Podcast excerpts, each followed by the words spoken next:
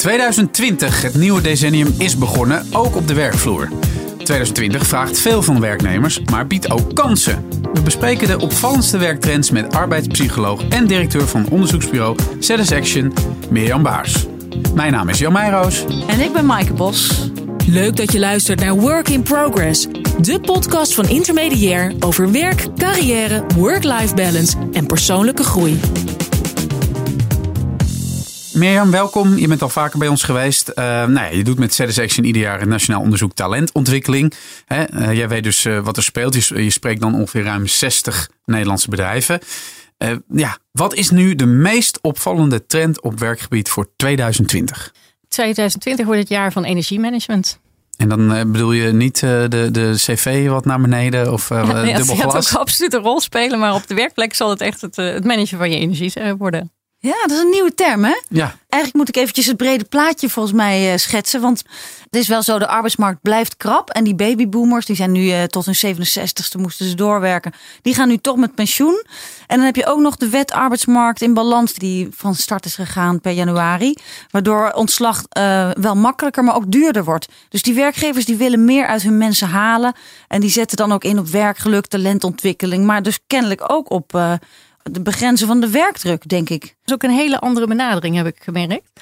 Um, in, ik denk een jaar of tien geleden was het nog heel gebruikelijk dat als je naar een time management cursus ging, ja, dan leerde je de standaard riedel. Hè? Wat is belangrijk, wat is urgent? En dan moest je je richten op de dingen die nu niet urgent zijn, maar in de toekomst misschien urgent gaan worden. Dus de belangrijke dingen, zeg maar.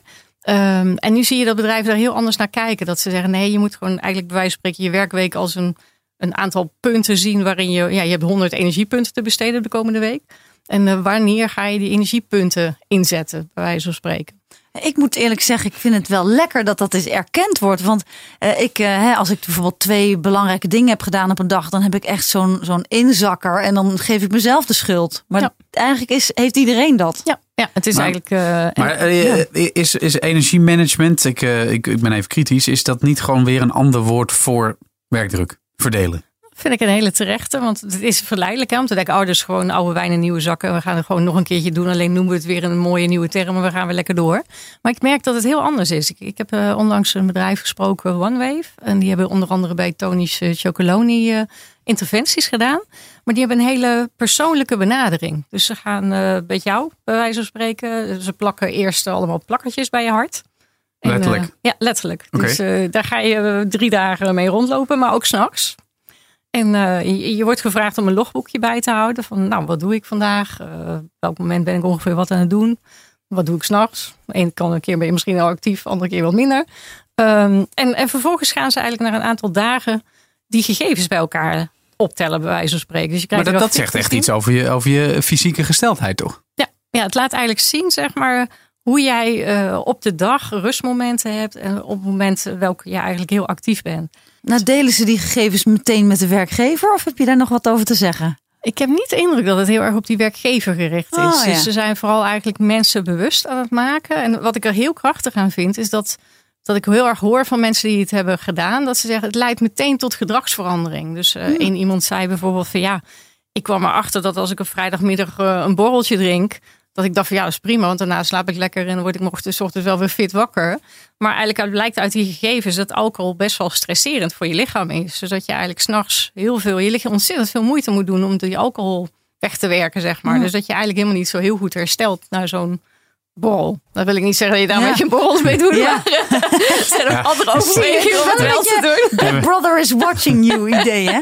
Maar uh, ja. ik wil eigenlijk weten, waarom is dit nou nodig om dat allemaal te monitoren? Want gaat het zo slecht dan met ons energiemanagement? Ja, ik denk als je kijkt naar burn-out cijfers, dan zie je dat uh, 1,4 miljoen van de mensen psychische vermoeidheid ervaart. En dat is best heel veel. Ja, ik dat, las ook dat, dat, is wel het, echt heel hoog. Ja, het, het, is nu al 1 op de 6 en niet 1 op de 7. Dus het gaat gewoon. Ja.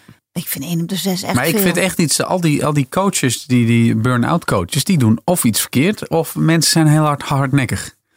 Ik denk dat mensen ook echt wel patronen ontwikkelen. En dat is ook best wel gevaarlijk. Uh, dus OneWave heeft ook eigenlijk een soort van onderscheid gemaakt. Waarin ze zeggen, nou je hebt eigenlijk de, de surfers. Dat zijn eigenlijk de mensen, die, ja, die, die ken je ook wel op een werkplek denk ik. Hè? Dat zijn de mensen die, die starten hun dag heel relaxed die laten zich niet gek maken door alles wat er vanaf komt. En die denken op het eind van de dag, joh, dat was prima. Ik heb nog energie over en ik ga vanavond nog leuke dingen doen. dat, dat is een, eigenlijk een hele gezonde manier van energiemanagement. Ja. dan heb je daartussen een aantal vormen waarvan je zegt, nou, je ja, noem het uh, de watertrappelaar, weet je wel, die, die, die doet echt ontzettend zijn best. En, en die krijgt het ongeveer net rondom de dag door te komen. Daarna is het ook wel redelijk op. Ja. Maar die kan misschien s'avonds nog wel even een paar uurtjes wat dingen doen. Moet niet te gek zijn. En, en de duiker die is eigenlijk uh, ja, een beetje overgeleverd aan een heleboel ellende. Want die, die krijgt eigenlijk eind van de dag... Uh, merkt hij dat het helemaal op is. En die komt gewoon uitgelust thuis. Maar is het zo dat die laatste twee types uh, meer werkdruk hebben dan die eerste? Of doet die eerste gewoon iets anders met zijn dag en met zijn tijd? Nou, ik denk een, een goede energiemanager, hè, als je het dan op de persoon betrekt, dat is eigenlijk iemand die heel goed inzicht heeft van wat levert mij nou energie op. Als je weet wat jouw supercharger is, hè, dat heeft ook met je talent natuurlijk te maken. Dus uh, dan, dan weet je ook van oké, als ik mezelf in die situaties breng, dan weet ik dat die situaties mij weer energie gaan opleveren. En dan kun je ook best wel een situatie hebben die weer heel veel energie kosten. Maar als het maar afwisselt en als het een beetje een gezonde balans is. Maar niet iedereen heeft natuurlijk een, een, bedrijf waar, waar mensen met hartdiagnostiekapparatuur op, op je lijf met plakkertjes komt. Ja. Dit is iets wat misschien uit mensen zelf moet komen. Want dit, ik kan me voorstellen dat heel veel bedrijven dit niet nou direct op de agenda zetten. Ja, dat Tony Chocoloni doet, is natuurlijk fantastisch. Ja bedrijven als Jonge Honden, die hebben bijvoorbeeld een, een energiemanager training, zeg maar. En, en ik moet heel even zeggen, want uh, Jonge ja. Honden is dus een uh, junior adviesbureau. Ja. Dat moest ik echt even opzoeken. Okay, maar ja. ze hebben dus ook geen managers en geen uh, structuren en zo, nee, zoiets. Nee. Maar vertel verder, wat zei je ja, nee, die, die, doen, die hebben dus wel een externe trainer. En, en die komt er inderdaad mensen helpen om, om bewust te worden van ja, hoe ga ik eigenlijk met die energie gedurende de week om? En, en ja, het zijn eigenlijk wat je net ook noemde, hele simpele dingen vaak. Dat ze erachter komen van ja, als ik ochtends een presentatie hou, dan moet ik smiddags niet ook nog een presentatie plannen. Weet je wel, een presentatie kost altijd best wel wat energie. Dan moet je helemaal gefocust zijn, een bepaalde concentratie hebben. En dat ze eigenlijk leren van hoe ziet mijn week en hoe ziet de weken daarna uit. En dat ze ja, hun werkzaamheden wat beter verdelen. Als we even terugspiegelen naar vorig jaar. Toen hadden we een van de werktrends op, was heel erg op talentontwikkeling. Ja. mensen moesten allemaal dingen leren en op cursus en uitdagingen. En zelfontwikkeling en ontplooiing. Is dat iets wat, uh, wat nu weer wat minder wordt? Of uh, is dit nee. ook een soort van. Ik denk dat cursus? het onverminderd hoog blijft. Toch de druk op van blijf jezelf ontwikkelen. Want werkgevers willen dat ook heel graag. Want die zien ook dat de markten heel hard veranderen. En als mensen hun talenten blijven ontwikkelen, dan kunnen ze ook sneller op die markten inspelen. Sterker nog, dan bepalen ze eigenlijk die markten. Maar je ziet wel dat bedrijven ook wel merken dat er grenzen zijn aan wat je nog van mensen kunt vragen. En ik denk ook dat je niet moet onderschatten dat ook veel millennials uh, ook gezien die wet uh, arbeidsmarkt, uh, ja, die, die nieuwe. Ja. Die, die, die, ervaren soms ook best wel veel financiële onzekerheid. En, en dat is ook een extra druk. Die staat eigenlijk nog los van het werk. Maar het kan best zijn dat ze al, ja, als ze een tijdelijk contract hebben, alweer heel erg druk in hun hoofd zijn van oké, wat ga ik hierna doen als het hier niet vervolgd wordt. Ik ben ZZP'er hè? en ik heb geen werkgever die heel erg uh, loopt uh, hardplakkertjes op mij te plakken. En weet je wel, hoe ja. moet het nou met die groeiende groep ZZP'ers eigenlijk? Ja, ik die, denk dat die, want die, die hebben vaak wel het besef natuurlijk dat je, je realiseert dat als je uit gaat vallen, dat je dan ook heel kwetsbaar bent. Ja. Omdat er vaak niet zo heel veel backup is. Want als je een, een arbeidsongeschiktheidsverzekering afsluit, doe je dat meestal alleen maar voor, voor hele erg ernstige ziektes die je kan krijgen. Die zijn relatief duur. Hè, die, ja. die, Als ze, ze al hebben. Als ze ja, ze al hebben. Precies. Dus die, gek genoeg heb ik de indruk dat een ZZP'er eerder geneigd is heel goed voor zichzelf te zorgen. Al is het maar uit voorzorg omdat je gewoon een risico loopt. Ja, ja, en je nou, kunt natuurlijk heel goed je tijd zelf indelen. En je, nou, je komt ja, niet zo snel in het klem met uh, crashen en dat soort dingen. Work in progress. Werkgeluk, dat zie je ook wederom als groot thema voor 2020. Ja. Maar dat was toch eigenlijk al zo in 2018 en 2019? Ja, ik denk dat we eigenlijk al, als ik kijk naar dat onderzoek, hè, dat doe ik al zo'n 30 jaar. Uh, en werkgevers waren eerst altijd heel erg bezig met werktevredenheid. Ze zeiden ja, we willen medewerkers hebben die heel tevreden op hun werk zijn. Die zijn tevreden over de arbeidsomstandigheden, maar ook over hun leidinggevende. Uh, en gaandeweg zag je dat verschuiven. Op een gegeven moment werd dat ja, toen zeiden ze ja, ja, we willen ook eigenlijk helemaal niet dat mensen alleen maar tevreden zijn. Want dan ja, leunen ze achterover en dan denken ze, oh, het is wel goed. Ja, tevreden heeft iets als gezapig. Ja, toch een precies. Beetje. Dus toen zeiden ze, nee, hoe is het met je, hoe is het met je huwelijk? Nou, we zijn tevreden. Ja. dus vervolgens moesten ze betrokken worden. En uh, ja, inmiddels moeten ze bevlogen zijn. En uh, ik denk de volgende stap wordt dat je lyrisch ochtends naar je werk moet trekken. Ja. Maar um, de bedrijven beginnen dat volgens mij te, te zien als een verdienmodel. Hè? Dat werkgeluk zorgt voor meer productiviteit. Is dat ook een erkenning van de werknemer? Kan het niet alleen om werkgeluk te regelen? Heeft hij daar echt een werkgever bij nodig die het klimaat schept, schept maar ook die uh, zich met hem of haar bezighoudt? Ja, ja ik denk dat. Het, ik, ik denk dat uh, bedrijven die ik spreek, die een werkgelukdeskundige of zo'n chief happiness officer instellen, doen het soms eigenlijk om, om een soort van uh, goede PR naar buiten te doen. Van hé, hey, dat trekt dan weer nieuwe mensen aan. Die vinden dat fijn om te weten dat ze gecoacht worden. Ja. Uh, maar ze doen het soms ook omdat ze zeggen: ja, we hebben toch ook wel schrik dat als we medewerkers niet heel goed monitoren, dat ze inderdaad omvallen. En dat kost heel veel geld. Um, maar wat, zo'n ja. chief happiness uh, officer, dat is gewoon eigenlijk iemand in mijn beleving. Ik heb ook wel veel over gelezen. We hebben er ook wel veel over geschreven op intermediair.nl. Uh, dat die is toch eigenlijk wel de, die is een beetje de zeg maar de volgens mij het menselijke ja, het, het, geweten van zo'n afdeling die gewoon heel bij mensen aan het inchecken is, maar die ook de leuke uitjes organiseert en die ook een beetje de out-of-the-box dingen ja. uh, organiseert. Dat lijkt mij trouwens persoonlijk ook best wel een leuke job. Ja. ja. Uh, alleen wie monitort de monitor er, zeg maar. Wie, wie zorgt dat hij nog, uh, of zij nog steeds wel happy is. Maar het, is, het, is, het, is wel een, het is wel een nobel, een nobel vak, denk ik, binnen, binnen, binnen een bedrijf. Alleen er moet, het moet ook wel ruimte voor, voor zijn. Het moet ook gecreëerd worden. Ja. Ja, en ik denk sommige bedrijven hebben die cultuur al van zichzelf. Dus die vinden het ook belangrijk dat het goed gaat met medewerkers. En, maar eigenlijk is, het, is, het, is het meer dan HR? Um, ja, want het zit denk ik dichter op de werkvloer, zeg maar. Er is, er is vaak nog echt zo'n afdeling die, die de contracten regelt. En, en als iemand ziek is. En, uh, ja. ja. en ik denk dat dit wel dichter op de werkvloer is.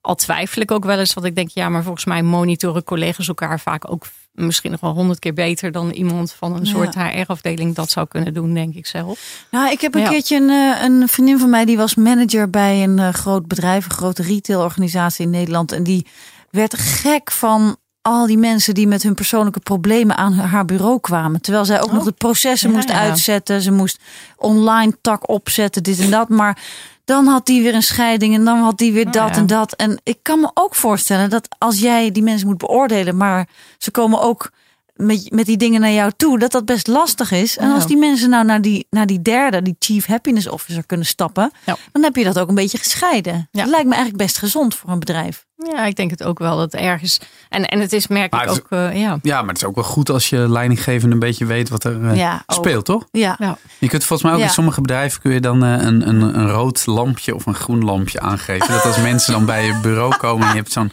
een rood schuifje, dan moeten ze je met rust laten. Of de koptelefoon op. Hè? Je kunt er gewoon een dikke frons op zetten. En, uh... Of gewoon zeggen, nu even niet.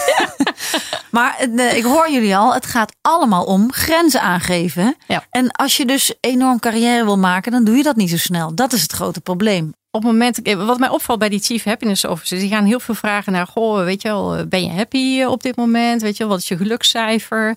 Uh, hoe staat het met je werkdruk? Maar ik denk eigenlijk is er een, ja, ik noem dat maar een beetje, uh, net zoals dat je vroeger in de kolenmijn een kanariepietje meenam om, om te kijken van ga ik hier misschien dood in deze mijn? En dat kanariepietje viel dan net iets eerder dood dan jij als het goed was, want die kreeg dan eerder die koolmonoxide in de gaten. En dan viel oh, die ik denk al, maar, ja. ik, ik, dacht, ja, oké, okay, ja, ja, ja.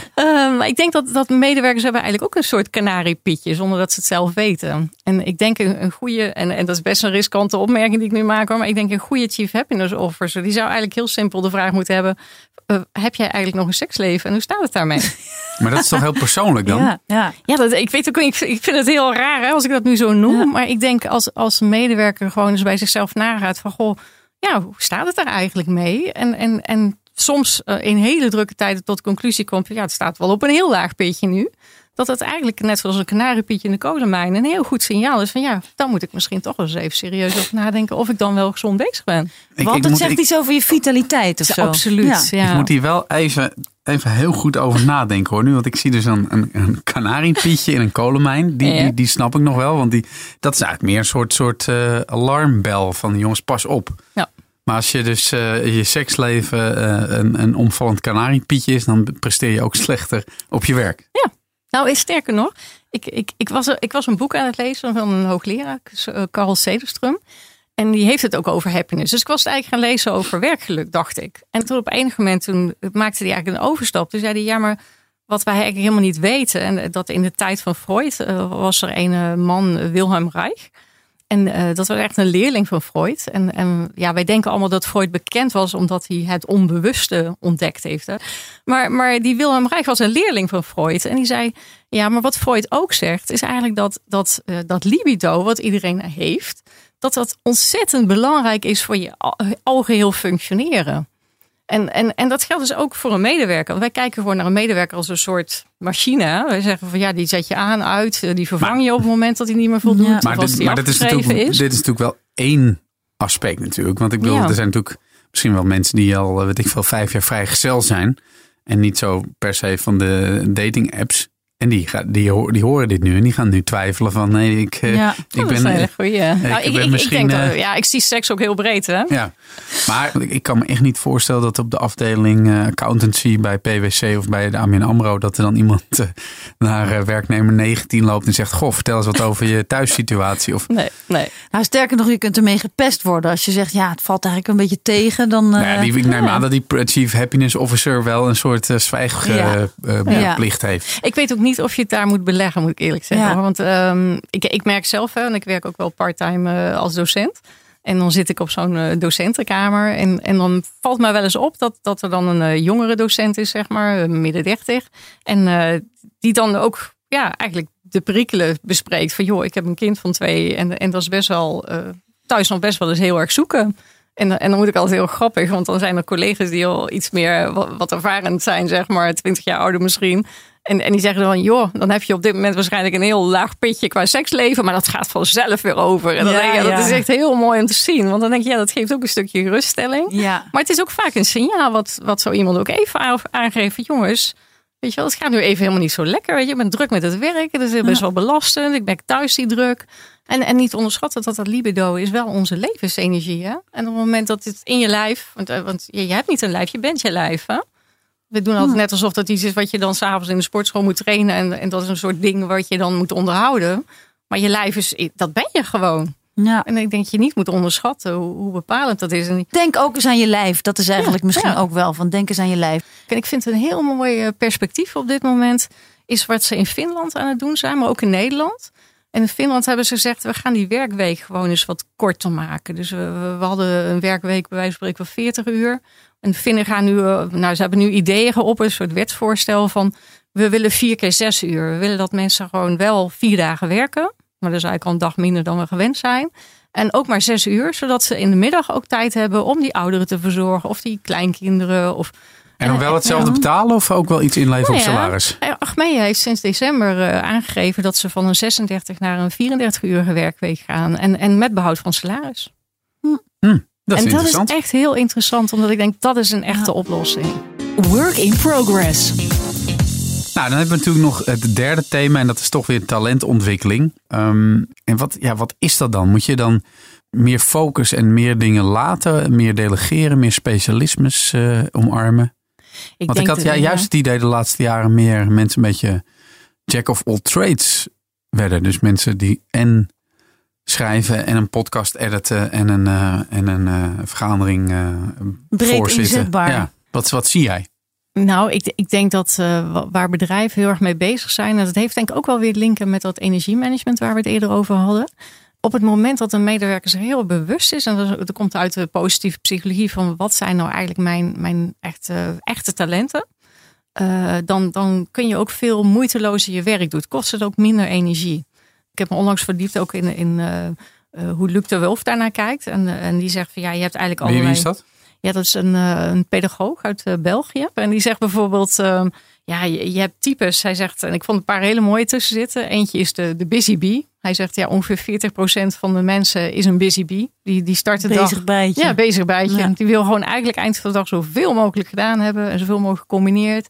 En, en uh, bij wijze van spreken, als het een ZZP'er is en, en die werkt vanuit huis, dan doet hij tussendoor nog een wasje. En dan tussendoor nog eventjes de, de, de, boodschappen bij wijze van spreken. Maar de, rest gaat ook allemaal door. Dus dat is een beetje efficiënt, heel veel dingen tegelijk organiseren. Um, maar je, je, ja, hij heeft ook types als. Ja, bijvoorbeeld iemand die, die uh, heel erg in het hier en nu nee, leeft, zegt hij. Dat is de here and now champion. Dat is gewoon iemand die... Oh, ik dacht, zat, ik denk, er komt een ander dier. Maar, uh... ja, maar moet je dat ook als een talent zien? Want wij zien talenten ja. misschien als van je kunt goed rekenen of, of schrijven ja. of wat dan ook. Maar is een talent ook dat je heel goed in het hier en nu kunt doen wat er nodig is, wat er gevraagd wordt? Het zijn eigenlijk vaak mensen zoals hij ze beschrijft. Hij zegt, het zijn mensen die heel goed met complexiteit kunnen omgaan. Het zijn echte denkers. Die kunnen ook heel beschouwend naar dingen kijken. En, uh, en die, die kunnen dus ook kouwen op die complexiteit. En die bewaren ook de rust. Op het moment dat er ergens een hele drukke situatie ontstaat, dan zeggen ze: Oh, ik, kan, ik overzie dit wel. En die maken zich niet zo snel gek, zeg maar. Uh, en uh, vind ik ook wel interessant. Die Luc de Wulf zegt ook eigenlijk van ja, je ziet vaak dat die busy bees en die here and now champions, dat zijn vaak ook koppeltjes. Want die houden elkaar ook in balans. Oh ja. ja. de meeste mensen eigenlijk, die kennen hun eigen talent helemaal niet zo heel goed. Want dat zijn namelijk de dingen die geen moeite kosten. En als dingen geen moeite kosten, denken wij eigenlijk dat ze niet waardevol zijn. Want dingen die heel veel energie kosten, die zijn waardevol, denken we standaard. Maar als, je, als we het dus hebben over deze trend, dan gaat het niet zozeer om vakkennis wat je moet blijven ontwikkelen, maar meer persoonlijke groei. Ja, absoluut. Terwijl vakkennisontwikkeling ook natuurlijk belangrijk blijft. Ik denk dat, dat het een het ander ook niet uitsluit. Um, nou goed, er is er wel tijd voor beide. Als je een programmeur bent, dat, dat gaat best wel snel, die technieken. Ja. Maar ook bijvoorbeeld uh, in de media met uh, de toepassing van social media. En, uh, digitalisering. Digitalisering, ja. ja. Als je dan ben jij nog bezig met het hier en nu en je sensitiviteit. En je collega's die zijn inmiddels, die hebben alweer allemaal cursussen gevonden. Waardoor ze heel handig met tools heel veel kunnen. Ja, ik, ik, denk ook niet, kijk, je kunt geen dagen in de weer zijn met die persoonlijke groei. Ik denk wel dat het heel erg kan helpen. En misschien is daar dan wel weer die Chief Happiness Officer handig voor.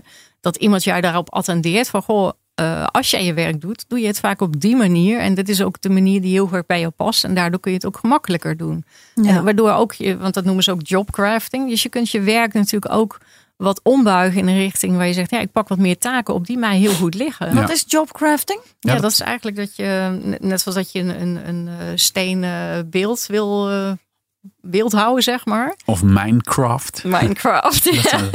bouwen. bouwen, toch? Ja. Het is, Craften, iets, iets maken. Het is iets bouwen. Dat is eigenlijk dat je zegt, nou, uh, je werk lijkt een soort vast, ja, vast, vast blok. vast blok. Waarvan je zegt, ja, maar dat kan ik ook zelf vormgeven. Mm. Ik denk dat elk werk eigenlijk wel best wel variëteiten heeft. En, en je kan eens kijken van hey, welke taak heeft mijn collega. Misschien kan ik eens een keer met mijn collega dingen overnemen. Die ze dingen van mij overnemen. En die ruimte is er tegenwoordig heel veel in bedrijven, merk ik. Omdat ze heel veel. Uh, ik sprak vandaag weer een bedrijf die, die heel erg interdisciplinair werk. Dus met heel veel verschillende. Dus een programmeur, maar ook een designer, een front, uh, back-office. Ja, uh, ja, die, die indruk heb ik inderdaad ook. Dat, ja. dat er gewoon heel veel vrijheid is bij ja. werkgevers uh, voor werknemers. Die, die, die gewoon, als ze een goed idee hebben, dan ja, ga het maar doen. Ja.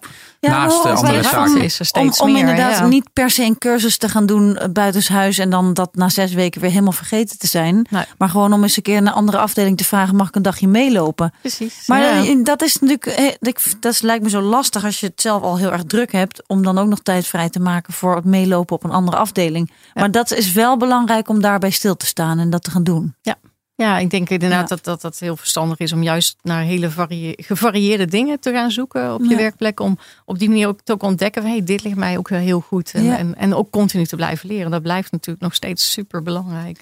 Even samenvattend, eigenlijk de thema's van 2020 zijn dus die energiemanagement, werkgeluk en ja, persoonlijke ontwikkeling, talenten benutten, uitnutten. Maar heb je nog een paar gekke, nieuwe, rare dingen die je onlangs bent tegengekomen in je nationaal onderzoek talentontwikkeling? Ja, wat mij heel erg boeide was uh, een bedrijf die uh, heel erg voor kiest om uh, mensen niet meer te laten solliciteren. Oh, hoe krijgen ze dan nieuwe werknemers? Ja, dat vroeg ik me ook in eerste instantie af. Maar zij zeggen ja, wij, wij, willen ook helemaal niet meer dat mensen al die brieven en zo gaan schrijven. Want eigenlijk past het ook helemaal niet in onze maar, snelle hoe doen tijd. ze dat dan? Ze lopen gewoon binnen. Ja, zo min of meer eigenlijk. Want eigenlijk, bij wijze van spreken, je kan gewoon een WhatsAppje sturen als je zegt: hé, hey, er staat een interessante vacature. En je denkt: hé, hey, dat is wel wat voor mij. Dan app je gewoon. En dat bedrijf, dan, uh, dat is een, een, Belgisch bedrijf? Of? Een HSO. Oh. Dus volgens mij, uh, dan moet ik het even uit mijn hoofd doen. Maar ik geloof dat zij ook in de, in de software-achtige dingen zitten. En er staat, en als, er staat bij hun op de website: uh, solliciteren, hier is ons wat, hier is een nummer waar je kan appen. Ja, je kan gewoon appen, je kan bellen, net, net hoe je het zelf wil. Je krijgt meteen iemand aan de lijn. En als zij op basis van het eerste gesprek de indruk hebben: ja, dit zou een serieus interessante kandidaat zijn, dan kom je langs. En, ik moet wel zeggen dat het wel. Het lijkt me wel relaxed eigenlijk. Ja, maar kijk, dan is het een bedrijf dat zit te springen om medewerkers en ze moeilijk kan krijgen misschien. Hè? Want als je dus op één vacature 500 reacties krijgt, zoals ik noem maar een tak. Krijg je wel heel veel WhatsAppjes. Ja, precies. En dan moet je wel heel veel uh, gesprekken gaan voeren. Dus dat is wel een nou goede manier. je moet meteen het kaf van het koren scheiden wellicht. Ja, maar meestal doen mensen dat op basis van cv's, toch? Ja. En nog andere gekke dingen? Ja. Ja, wat, ik zelf ook een hele interessante vind, is toch weer dat bedrijf Jonge Honden, waar we het straks uh, ook over hadden. Die kiezen er heel bewust voor. En dat past volgens mij ook heel goed bij hun eigen cultuur. Om teamvergaderingen niet meer op het werk te doen, maar gewoon s'avonds bij mensen thuis. Hmm. Nou, dat kan, ja. En, maar, dan, maar, eh, en, en wat was het? Ja, ja, ik weet niet of ik, of ik daar nou altijd zin in zou hebben. Dan heb je de hele dag gewerkt en zie je s'avonds weer diezelfde gezichten. Ja, misschien hebben ze allemaal nog geen kinderen, die jonge honden. En vinden ze gewoon leuk om een, een biertje te drinken samen. Nou, ik denk wel dat je krijgt misschien een wat informelere sfeer. En misschien kom je daar, maar daar dan tot leuke ideeën of zo. Ik denk precies is wat jij noemt. Maar wat, wat, wat, is de ingeving? Waarom hebben ze nou, daarvoor gekozen? Ze zeiden het past bij ons. Dus ik denk. Maar doen ze het eh, niet meer op kantoor dan? Überhaupt niet. Wel één op één, maar niet met het Nee, ze werken ook uh, allemaal bij klanten, zeg maar. Dus ze zitten allemaal op projectbasis bij klanten. Maar ze hebben gewoon geen tijd om overdag met elkaar te vergaderen. Ja, maar dat is het. Ze zitten dus niet de hele dag op uh, één kantoor. Maar ze zijn uh, gedetacheerd en dan komen ja. ze s'avonds bij elkaar. In plaats van dat je die dag bij die klant moet onderbreken om naar dat kantoor te gaan. Ja, dat is ook wel slim. Ik denk dat het weer iets voor de vertrouwensbasis doet. En ze kunnen het nog eens over hun seksleven hebben. Ja, zeker. Waarom ook niet? Hè? Nou, nog eentje dan. Eh. En uh, iets met falen en zo, mag dat ook weer? Ja, falen is al een ding. Ik geloof dat ja, als, ik, als ik de werkgevers waar ik mee spreek moet geloven, zeggen ze ja, wij willen eigenlijk niks liever dat mensen dan alles even, Even iets heel anders. Denk je niet dat als jij dat onderzoek doet, dat al die bedrijven die jij spreekt, die 60, dat ze allemaal een beetje het braafste jongetje van de klas willen zijn en allemaal zeggen, denken van nou, Mirjam komt langs, wij gaan ons even goed profileren, wij, gaan niet, wij doen iets heel geks. En als jij dan weer weg bent, ik ben nu echt heel gemeen.